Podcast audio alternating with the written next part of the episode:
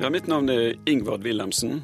Jeg er lege og har de siste 20 årene undervist legestudenter i indremedisin. Jeg er spesialist i fordøyelsessykdommer, men jeg er også psykiater. Men det er lenge siden jeg hadde formell psykiaterstilling. Det er 20 år siden.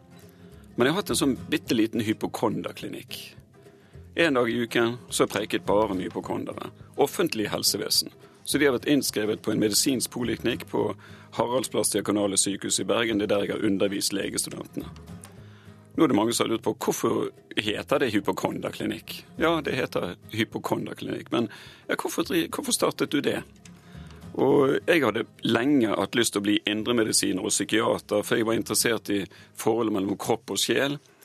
Og så fant jeg ut at jeg hadde lyst til å ha en liten psykosomatisk poliklinikk. For jeg jobbet jo i indremedisin, men hadde lyst til å snakke med folk som hadde mye symptomer, men få funn. Og hypokonderne det var en gruppe som fikk dårlig behandling, syns jeg. De fikk, de fikk vite hva de ikke hadde, men de fikk egentlig ikke vite hva de hadde.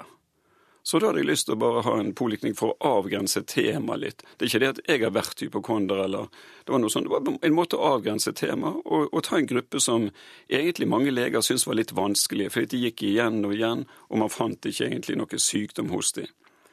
Så jeg har nå drevet med det, og er nå ellers uh, gift for andre gang. Har to barn fra første ekteskap, og min kone har to barn fra sitt første ekteskap. Men uh, kommer litt tilbake til dette med min kone, som er fra Kenya. da. Kommer si litt om det etterpå. Men uh, har drevet stort sett da med undervisning, holdt foredrag, hatt mitt liv utenom uh, Når jeg nærmet meg 50, da fant jeg ut fikk lyst til å spille noe. Jeg hadde aldri spilt instrumenter før. Så da begynte jeg å spille litt saksofon. Og det er jo sånn som man gjør når man runder, blir gjerne 50 eller 40 eller 60, jeg vet ikke. Så det øver jeg litt på. Og jeg var veldig frimodig i begynnelsen. Av og til opptrådte på når jeg holdt foredrag og sånn, men det er blitt mindre etter hvert som blir bedre. For du blir litt mer kritisk. Så jeg er med i en liten gruppe da, der eh, vi er en ti menn. De fleste synger. Vi er to på saksofon og en som spiller piano. Så det, der driver vi litt, og vi opptrer jo en sjelden gang når vi får noe mast oss til noen oppdrag. Men jeg har så drevet denne hypokonderklikken, og det som jeg syns var det fine med den, var jo at man kunne ta en gruppe som var litt sånn Folk trodde at det var sånne sutrete folk som bare skulle ha oppmerksomhet og alltid var opptatt av symptomer. Men så har vi funnet ut at det er jo faktisk ekte livredde folk. De er veldig redd for at de har en alvorlig sykdom som de faktisk ikke har. Så hele problemet var egentlig at de prøvde å ikke dø. Det var veldig viktig for hypokonderne å ikke dø. Og så brukte de en god del av livet til å ikke dø. Problemet er jo da at man ikke vet hva man skal dø av. Sånn at Der hadde de jo et stort problem hvor de skulle sette inn fokus. Så etter hvert så begynte jeg å snakke med folk om holdninger, og det har jeg tenkt å faktisk ta opp en del i dette programmet.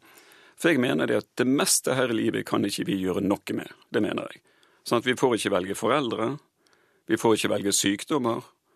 Selv med den nye regjeringen så er det ikke sånn at man må søke Helsedirektoratet, så får man innvilget et lite infarkt eller diabetes. Nei, man får ikke velge type engang. Internasjonale konjunkturer, oljepriser, kronekurser, det meste her i livet kan vi ikke gjøre noe med. Men hvordan vi forholder oss til det som skjer, det bestemmer vi sjøl. Det er derfor jeg er så interessert i holdninger. For jeg liker å snakke med folk om ting de kan gjøre noe med, og det er ingen som kan nekte meg og deg å mene og gjøre akkurat som vi vil.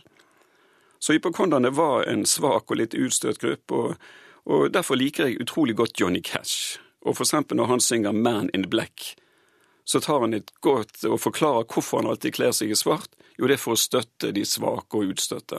Så den kan vi jo høre på.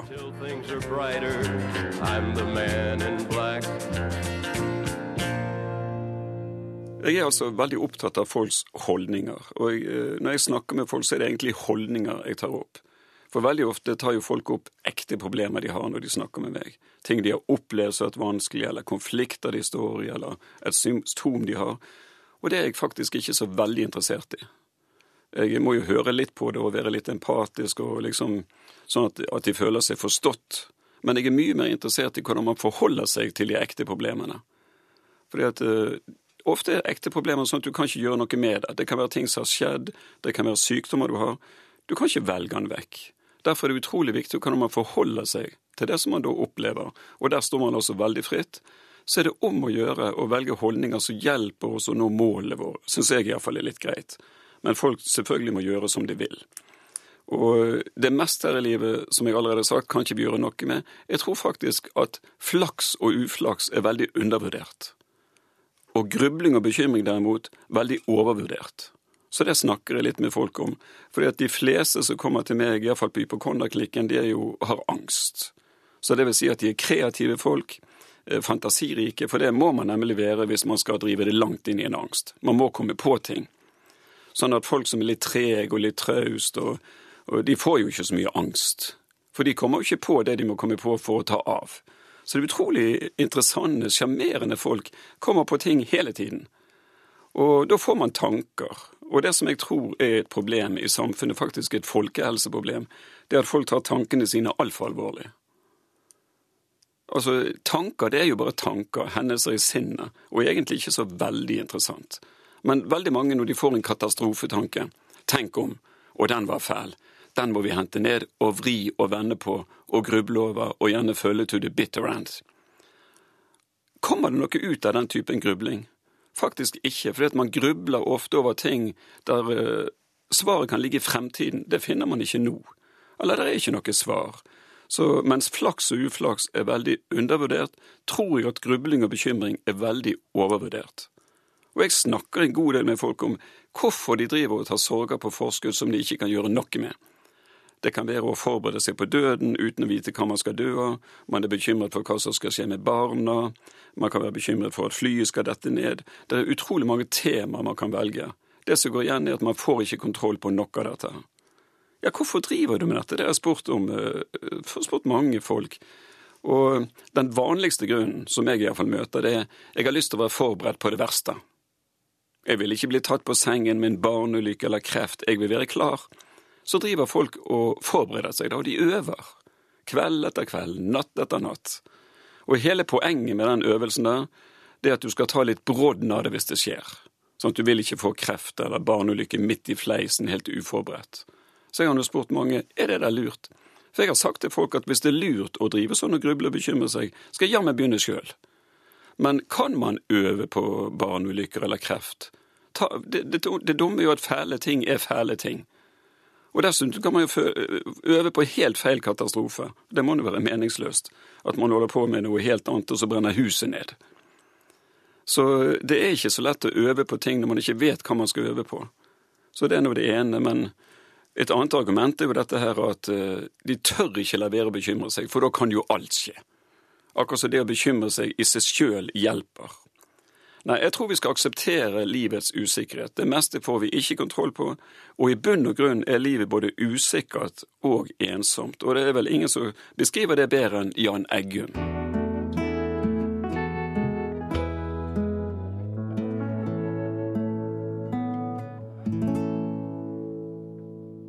Jeg har snakket om at tanker bare er tanker, og at vi ikke skal ta dem så veldig alvorlig. Eh, før vi henter ned en tanke og gir han kraft og næring, så bør vi sjekke om det har skjedd. Har vi fått diagnosen, så må vi ta det. Eh, har ulykken inntrådt, så må vi ta det. Hvis det er bare en tanke, en mulighet på et eller annet fælt som kan skje, så tror vi vi kan øve på å bare la den henge i luften. Vi bør ikke bli kvitt den, vi bør ikke agere på den, vi bør ikke, bør ikke gi den mye kraft og næring. Bare la den være der. Og jeg pleier nå å anbefale folk å putte den på en sky så kan han drifte av gårde. Så får du ny katastrofetanke. Ja, den kan du putte, den har du hatt før. Rett på skyen. Og jeg snakket med en uh, i Bergen, en kvinne, som hadde hatt mye katastrofetenkning. Og ennå ikke fått noe av det som hun fryktet. Og skulle hjem og øve på denne skyen og dette. Snakket med henne en måned seinere. Hvordan går det? Nei, hun, det er ikke så verst, sa hun. Jeg holder på med de her tankene og denne skyen. Men jeg har fått et problem, for den skyen går jo så tregt. Utrolig langsomt. Ja, hva gjør du med det? Hun var bare begynt å blåse. Så hun drev nå og blåste, og det hjalp nå litt for hun. Folk finner på ting sjøl, de er jo kreative. Hvordan de skal løse dette med å la tankene komme og gå, uten å gi dem for mye næring. For hvis du begynner å gruble på de, prøve å distrahere deg eller agere på de, så får de voldsom kraft og næring og kommer igjen mye lettere enn ellers. Jeg snakket for øvrig med en mann om dette her, og han sa ja, jeg forstår hva du mener, men det ble litt abstrakt for meg, sa han, med skyer og tanker. Kan jeg få det litt mer konkret? Og ja, du kan jo hvis du vil, sa jeg, du kan skrive hele katastrofetanken på en lapp, og så kan du legge det i en boks, og så kan du merke boksen 'interessante, men ubesvarlige spørsmål'. Det er jo verden full av. Jo jo, han syntes den var litt uh, fin, han. Men, sa han etter en liten stund, jeg har et problem til. Jeg har ikke noe boks hjemme. Hva gjør jeg da? Og før jeg fikk sagt noe, så så sa han jeg har veldig mange konvolutter hjemme, så han lurte på kan jeg få lov til å legge de lappene i konvolutt. Så sa jeg den må jeg få lov til å tenke litt på, for det spørsmålet har jeg aldri fått før. Så jeg sa til han jeg hadde helst sett at du brukte boks, siden det var det jeg foreslo, for jeg er nå liksom terapeuten her. Men det er greit, sa jeg, siden det er deg, du skal få lov til å bruke konvolutt. Og han ble jo veldig glad. Og han har sagt det senere at det der, det der funker veldig flott. Så nå sier jeg faktisk det til folk. Skriv sånne lapper, du. Legg det i boks eller konvolutt. Så det er ikke sånn at jeg er imot at vi skal tenke oss om eller reflektere. Og det er helt ok at vi vil ha kontroll i livet, men det som er mitt hovedpoeng, er at kanskje vi skal holde oss til ting som er kontrollerbare. Og da kan vi glemme altså eh, døden, den får vi aldri kontroll på. Fremtiden i hele tatt. Vi kan håpe, vi kan planlegge, vi vet ikke engang om han kommer. Eh, så det der med å, å forberede seg på ting Du kan ta en generell forberedelse. Tenk at i ditt liv kan alt skje. Men eh, ikke ta det før det kommer, og det fine med ekte problemer, de merker vi. Det er det som er så fint. Du bør ikke tippe engang. Jeg har jo hatt en sykdom, jeg ble lam i løpet av åtte timer, og det er jo sånn som du merker. Du bør ikke være så veldig på hugg og følge så veldig med. Og det er det som er fint med ekte ting. Enten merker du det sjøl, eller så får du beskjed. Du kan egentlig slappe helt av. Så det å av og til kunne bevilge seg litt ro og velge å tro at ting går bra, det må jo folk gjøre som de vil med. Der kan man faktisk bruke musikk og beroligende musikk som er avstreksende og, og litt sånn positiv. Og en av de er eksempel denne som heter The Rose fra 1979. Det er liksom den tiden jeg vokste opp, 60-70-tallet. og The Rose er Bette Midler. Ja, du hører nå på Sommer i P2, og i dag er det jeg, Ingvard Wilhelmsen, som er gjest. Og jeg har snakket litt om uh, våre holdninger, og dette vi ikke kan stole på tankene våre. For hodet vårt er jo fullt av tanker, og det meste er jo faktisk tull. Og det gjelder ikke bare hypokonder eller folk med angst eller de som jeg har snakket om nå litt tidligere. Det gjelder alle sammen. Vi har mye tanker inni hodene våre som vi ikke sier høyt. Og det tror jeg kan være faktisk like lurt. Og vi har mange meninger, synsinger, antagelser, oppfatninger, teorier så jeg mener at vi skal ta tankene med en klype salt. Vi kan ikke stole på dem. Og det gjelder for øvrig også følelsene våre, mener jeg. Følelser er jo gøy, men de kan vi heller ikke stole på. Det er det noen som har spurt meg, er det sant, kan ikke vi stole på Ja, men hvis du er sjalu, for eksempel, kan man stole på sjalusi? Ja, hvis kan du tenke som så, det går ikke an å ha en så ekkel følelse uten at han eller hun driver med noe. Nei, du kan være helt på jordet med hele sjalusien, men angsten, da? Kan ikke man stole på angsten? Er man ikke i fare nå? Jeg har snakket med utrolig mange redde folk, og det er ikke en fare i mils omkrets jeg kan se. Det som jeg mener, og folk kan selvfølgelig være uenige, men jeg mener det at følelsene våre sladrer ikke om virkeligheten, men de sladrer om hvordan vi fortolker virkeligheten. Hvis vi tolker noe som skummelt, farlig eller truende, så blir vi redd. Binyrene våre skiller ikke om vi har tolket rett eller galt. De setter i gang adrenalinproduksjonen, hjertebanken, hyperventileringen. Og jeg er jo egentlig for angst. Jeg liker angst veldig godt. Jeg ser på det som en venn i nøden. Det er faktisk, Jeg tror det er en gudegitt gave i hele angstreaksjonen. Det at vi har binyrer, at vi kan eh, redde livet når vi er i fare, det er veldig mobiliserende. Vi er så utrolig skjerpet når vi har angst. Skjerpet på det vi tolker som farlig, skummelt eller truende. Så jeg behandler ikke mine pasienter eksempel, sånn at de blir angstfri. Ja, det skulle tatt seg ut. Jeg tror jeg hadde mistet de første lyskryss. Ja, Rød mann, sant, det, det bryr ikke vi oss om, vi har vært hos Wilhelmsen. Han sa det var ikke så farlig. Jeg mener vi skal ha litt respekt for røde menn. Skulle jeg forventet han blir grønn. Så angst er egentlig en venn i nøden, men vi skal reservere det for de farlige situasjonene. Sånn at vi ikke strør rundt oss i hverdagen. Det er det jeg vil at folk skal tenke seg om sånn at man ikke For det er så trøttende med angst. Hvis du går med angst mer eller mindre kontinuerlig, det er nesten ingenting som er så trøttende, og særlig hvis man er livredd. Sånn som hypokonderne som prøver å kontrollere døden, som de allikevel ikke har peiling hva de skal dø av. Det som er løsningen for de, er faktisk å akseptere at de er dødelige. Jeg er dødelig, og jeg beliter meg, jeg innrømmer det, jeg legger meg flat, jeg kan ikke gjøre noe fra eller til. Det er faktisk noe av det lureste man kan gjøre hvis man har helseangst. Så dette med følelsene, de sladrer altså om vår fortolkning av virkeligheten. Derfor er det ekstra viktig at vi tolker virkeligheten rett. Kan ikke stole på dem, men det er fint å vite at angsten er egentlig en venn, og man kommer ikke til å miste kontroll. Det er det noen som tror at hvis de blir redd, så mister de kontroll og klikker helt. Det er nesten umulig å klikke når man har angst. Vi er jo laget sånn at vi er fokusert. Folk med flyskrekk de ligger ikke og spreller i midtgangen og, og, og, skriker og skal ut av flyet. Nei, de sitter på setet veldig fokusert på lyder og alt som kan være farlig, og mistolker gjerne. Snakket med en kar som hadde panikkanfall. Han var ute og kjørte bil, så sa han jeg klikket helt, jeg fikk panikk. Så jeg ja, hva gjorde du? Nei, jeg kjørte nå inn til siden. Det er faktisk ikke å klikke. Man gjør veldig fine, rasjonelle ting i forhold til det man tolker som farlig. Men følelser det er ikke det at jeg er imot dem på noen som helst måte. Glede er jo kjempegøy. Sorg har sin plass. Og, og når den er velplassert, så må vi bare ta den. Og det er en veldig god uh, sang om sorg, Eric Clapton, som mistet sin sønn. Han var fire år gammel og falt ut fra et vindu i New York 53. etasje døde. Og da skrev han altså en fantastisk fin sang, 'Tears in Heaven'.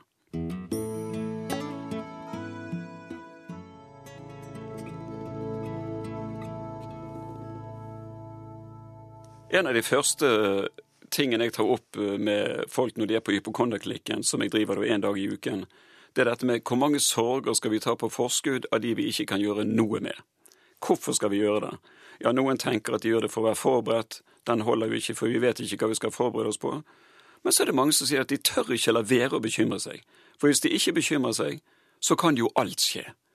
Veldig mange som bruker bekymring som metode for at ting ikke skal skje. Ja, det må du forklare, sier jeg. Er det en sammenheng mellom vårt stemningsleie og hva som skjer i verden? Ja, det var en jeg snakket med, han sa, midt i samtalen, en voksen mann, så sa han, Wilhelmsen, sa han, Foreslår du at jeg skal bli helt sånn glad og fri og trygg? Er det det du mener? Helt sånn avslappet optimist? Ja, det var nå bare et forslag. Jeg vil jo ikke tvinge deg, men jeg mener det at uh, jeg er en voksen mann. Jeg tar regelmessig glede på forskudd. Helt regelmessig. Og hvis det ikke skjer, så har han hatt den gleden. Det var vel ikke så veldig tragisk. Men det var en annen som sa til meg en gang at jeg vil ikke ha den voldsomme fallhøyden i livet mitt, hvis det er det du tror høyt der oppe, glad og fri. Den nedturen, jeg vil ikke ha det sånn. Nei, nei, hvordan løser du den? Når han holdt seg nå her nede, så viste han ganske langt ned i, i rommet der. Ja, da blir det ikke mange nedturer, men heller ikke så gøy. Jeg mener faktisk at vi behøver ikke øve eller forberede oss på noe som helst. Vi kan velge å tro at det går bra, inntil videre. Vi kan velge å stole på kroppen, eller hva det nå er vi holder på med, flyet, fremtiden. Og livet vil by på mange ekte problemer. Vi bør ikke lage noen i tillegg. Og spesielt folk som har mye ekte problemer, de må ikke ta noe i tillegg, for de har mer enn også det. Og jeg har hatt mine problemer. For eksempel i 1984, da var jeg en frisk lege på Elverum, 35 år gammel. Så ble jeg lam i løpet av åtte timer, tok det. Og det var ikke sånn Guillain-Barré, noen har hørt om den, det er en eh, der du er lam, og så går lammelsen opp og ned i en ganske god prognose. Den som jeg fikk, den heter transversmyelitt. Dårlig prognose, sa de. Så jeg eh, var selvfølgelig litt engstelig da, men jeg kom meg opp i en rullestol etter hvert og, og var syk et halvt år. Men så begynte jeg å jobbe på gastroavdelingen på Haukeland og jeg var blitt frisk. Jeg var ikke frisk, men jeg har spastiske bein. Men jeg er oppe og går. Så jeg har vært i full jobb etter dette her i 1984. Men, og jeg snakker med folk som tipper hva de skal få. På en hypokonderklinikk så tror folk at de skal få hjertesykdom, kreft eller hva det er. Jeg har spurt enkelte du er ikke litt redd for transvers mye litt? Det er det faktisk veldig få som har bekymret seg for, for det har de aldri hørt om. Ja ja, sier jeg, nå må du ikke høre om det for å få det, det er ikke sånn det funker. Men eh, nå har du nå hørt om det, og det har nå jeg hatt. Å, var det en som sa til meg en gang, tror du det er det jeg har? Nei, det var ikke det som poenget. Poenget er at det er ikke så lett å tippe hva som skal skje i et liv. Selv om jeg er lege, og hvis noen spurte meg i 1983 Du, Ingvar, hva tror du det første du får, hva tror du det er? Jeg tror faktisk ikke jeg ville sagt at det blir vel en transvers mye litt, for det er faktisk veldig sjelden, og står med liten skrift i nevrologiboken. Men det som er litt fint med ekte sykdommer, du behøver som sagt ikke å tippe, for du merker når det skjer. Og det som jeg gjorde når jeg var blitt lam og ikke lenger kunne spille fotball Jeg var jo ganske god å spille fotball, hvis jeg skal si det sjøl. Jeg var på guttekretslaget til Bergen, for eksempel. Men nå, nå, kan jeg ikke løpe, så jeg kan ikke spille så mye fotball. Det er ikke gøy å gå på ski. Da begynte jeg å forske. For jeg tenkte jeg visste jeg skulle bli indremedisiner og psykiater, men det med forskningen, det tenkte jeg det skal jeg begynne med nå, for det kan du gjøre med dårlige bein. Sånn at det ikke er beina man bruker først og fremst når du forsker. Du har de på bordet, men det går jo fint. Og Jeg har en kamerat i Bergen, Paul Otto Brunstad, han er teolog og filosof. Han sier at hvis du møter veggen, så er det ofte en dør i nærheten. Men da må ikke du stå liksom med, med nesen inn i veggen. Du må ta et lite steg tilbake, og der var han. Så det er godt å ha venner og kjente som kan støtte deg og hjelpe deg og komme med gode utsagn og råd. Og da kan vi altså hjelpe hverandre når vi får troubled water, når vi liksom kommer ut i, i vanskeligheter så kan vi ha noen som hjelper oss bridge over troubled water.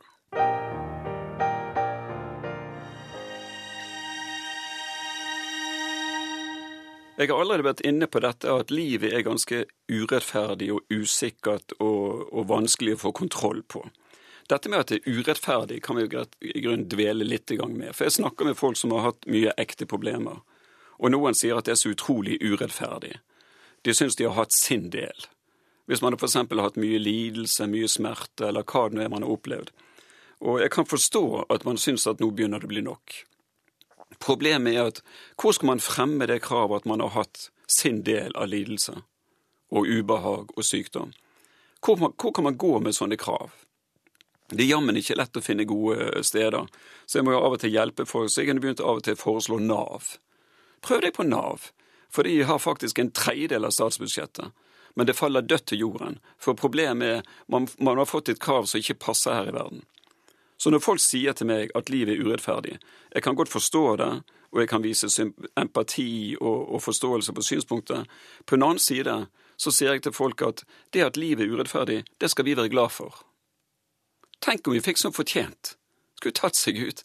Jeg tror faktisk at de fleste mennesker, i hvert fall i Norge, vi har det bedre enn vi fortjener. Og jeg også. Jeg tror at vi lever av nåde og tilgivelse hele gjengen. Og selv om vi har ekte problemer, så har vi det faktisk i Norge. Og det der med å leve av nåde og tilgivelse Jeg har jo vært en kristen helt fra jeg var liten. Jeg kom fra et kristent hjem. Og, og Så det med nåden har faktisk vært ganske sentralt i mitt liv. Det at du har et sted å gå, du har en himmel over livet ditt. Og når jeg av og til spør folk meg du, er du kristen? Ja, jeg er det. Ja, tror du virkelig at Jesus gikk på vannet, var det en som spurte meg. Ja, altså, jeg, eh, Da siterer jeg en dansk biskop. Han sa det at jeg vil ikke ha en frelser som ikke kan gå på vannet. Jeg tror faktisk at den første setningen i Bibelen, hvis du kommer forbi den, da er du reddet på en måte, og da greier du resten. Det er at i begynnelsen skapte Gud himmel og jord. Så for meg har ikke det vært et intellektuelt problem, mye av det som står i Bibelen som kan virke som veldig rart og helt utrolig. Så, og det er jo sånn at alle mennesker har ting vi tror på, som vi støtter oss til. Og for meg har dette vært, faktisk etter hvert ganske viktig i livet. At, uh, at man kan ha en basis, en, uh, en, trygghet, en tro. Og det er ikke det at vi kan leve livet for hverandre. Jeg kan ikke tro for andre, men jeg har lyst til å være der og støtte de og hjelpe. Jeg vil ta hensyn til meg sjøl, jeg vil også ta hensyn til noen andre. Det er ikke sånn at folk som blir sjef i sitt eget liv, bare blir egoister og tenker på seg sjøl. Tvert imot, man kan velge å gi av sin tid og overskudd til andre mennesker. Men de må altså leve livet, akkurat som når jeg snakker med en hypokonder. Jeg kan ikke velge holdninger for dem, det må de velge sjøl. Og Bjørn Eidsvåg har en, faktisk en veldig god uh, sang om dette, hvordan vi kan støtte hverandre, men likevel holde avstand. Vi kan ikke leve livet for hverandre, og det er denne kjente 'jeg ser'.